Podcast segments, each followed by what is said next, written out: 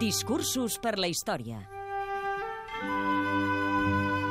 Fidel Castro, La Habana, 1959. L'any del triomf de la revolució, en un dels seus discursos, el president cubà nega el caràcter comunista del nou règim. Toda esta campaña de comunista, el gobierno revolucionario, campaña falsa, campaña canallesca, que ni nos preocupa ni nos asusta. Pueblo de Cuba sabe que el gobierno revolucionario no es comunista. Dos anys després, Castro es declara marxista-leninista fins a la mort. A data d'avui, Cuba viu encara sota un règim socialista.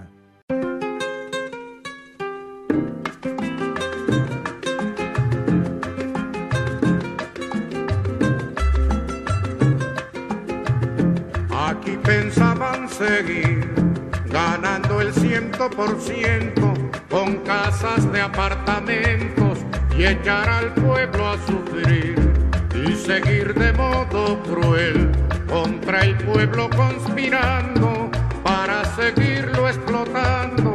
Y en eso llegó Fidel. Y se acabó la diversión. Llegó el comandante y mandó a parar.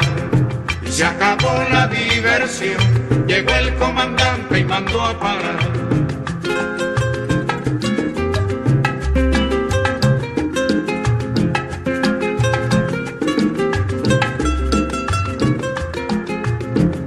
Aquí pensaban seguir, tragando y tragando tierra, sin sospechar que en la sierra se alumbraba el porvenir.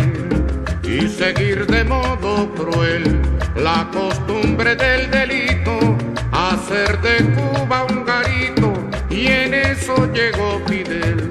Y se acabó la diversión, llegó el comandante y mandó a parar.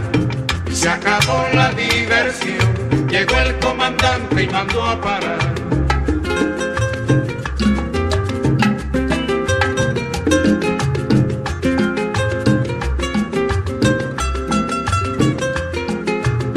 Aquí pensaban seguir, diciendo que los cuatreros, por aquí dos bandoneros, asolaban al país y seguir de modo cruel, con la infamia por escudo, difamando a los barbudos, y en eso llegó Fidel.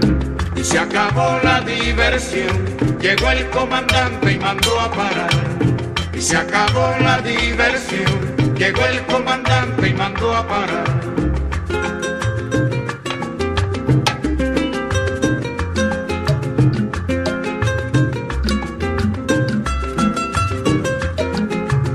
Aquí pensaban seguir jugando a la democracia y el pueblo que en su desgracia se acabara de morir y seguir de modo cruel sin cuidarse ni la forma con el robo como norma y en eso llegó Fidel.